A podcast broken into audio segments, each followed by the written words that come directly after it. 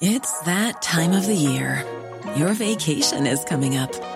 You can already hear the beach waves, feel the warm breeze, relax, and think about work. You really, really want it all to work out while you're away. Monday.com gives you and the team that peace of mind. When all work is on one platform and everyone's in sync, things just flow wherever you are. Tap the banner to go to Monday.com. There's never been a faster or easier way to start your weight loss journey than with PlushCare.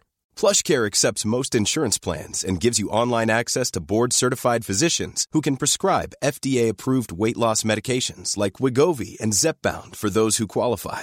Take charge of your health and speak with a board-certified physician about a weight loss plan that's right for you. Get started today at plushcare.com slash weight loss. That's plushcare.com slash weight loss. plushcare.com slash weight loss. I Sør-Afrika dør en mann i en brann i et fengsel. Myndighetene konkluderer med at det er et selvmord. Et år senere mottar en ung journalist i Cape Town et anonymt tips. I was in absolute shock when I saw the picture. Så eksploderer saken.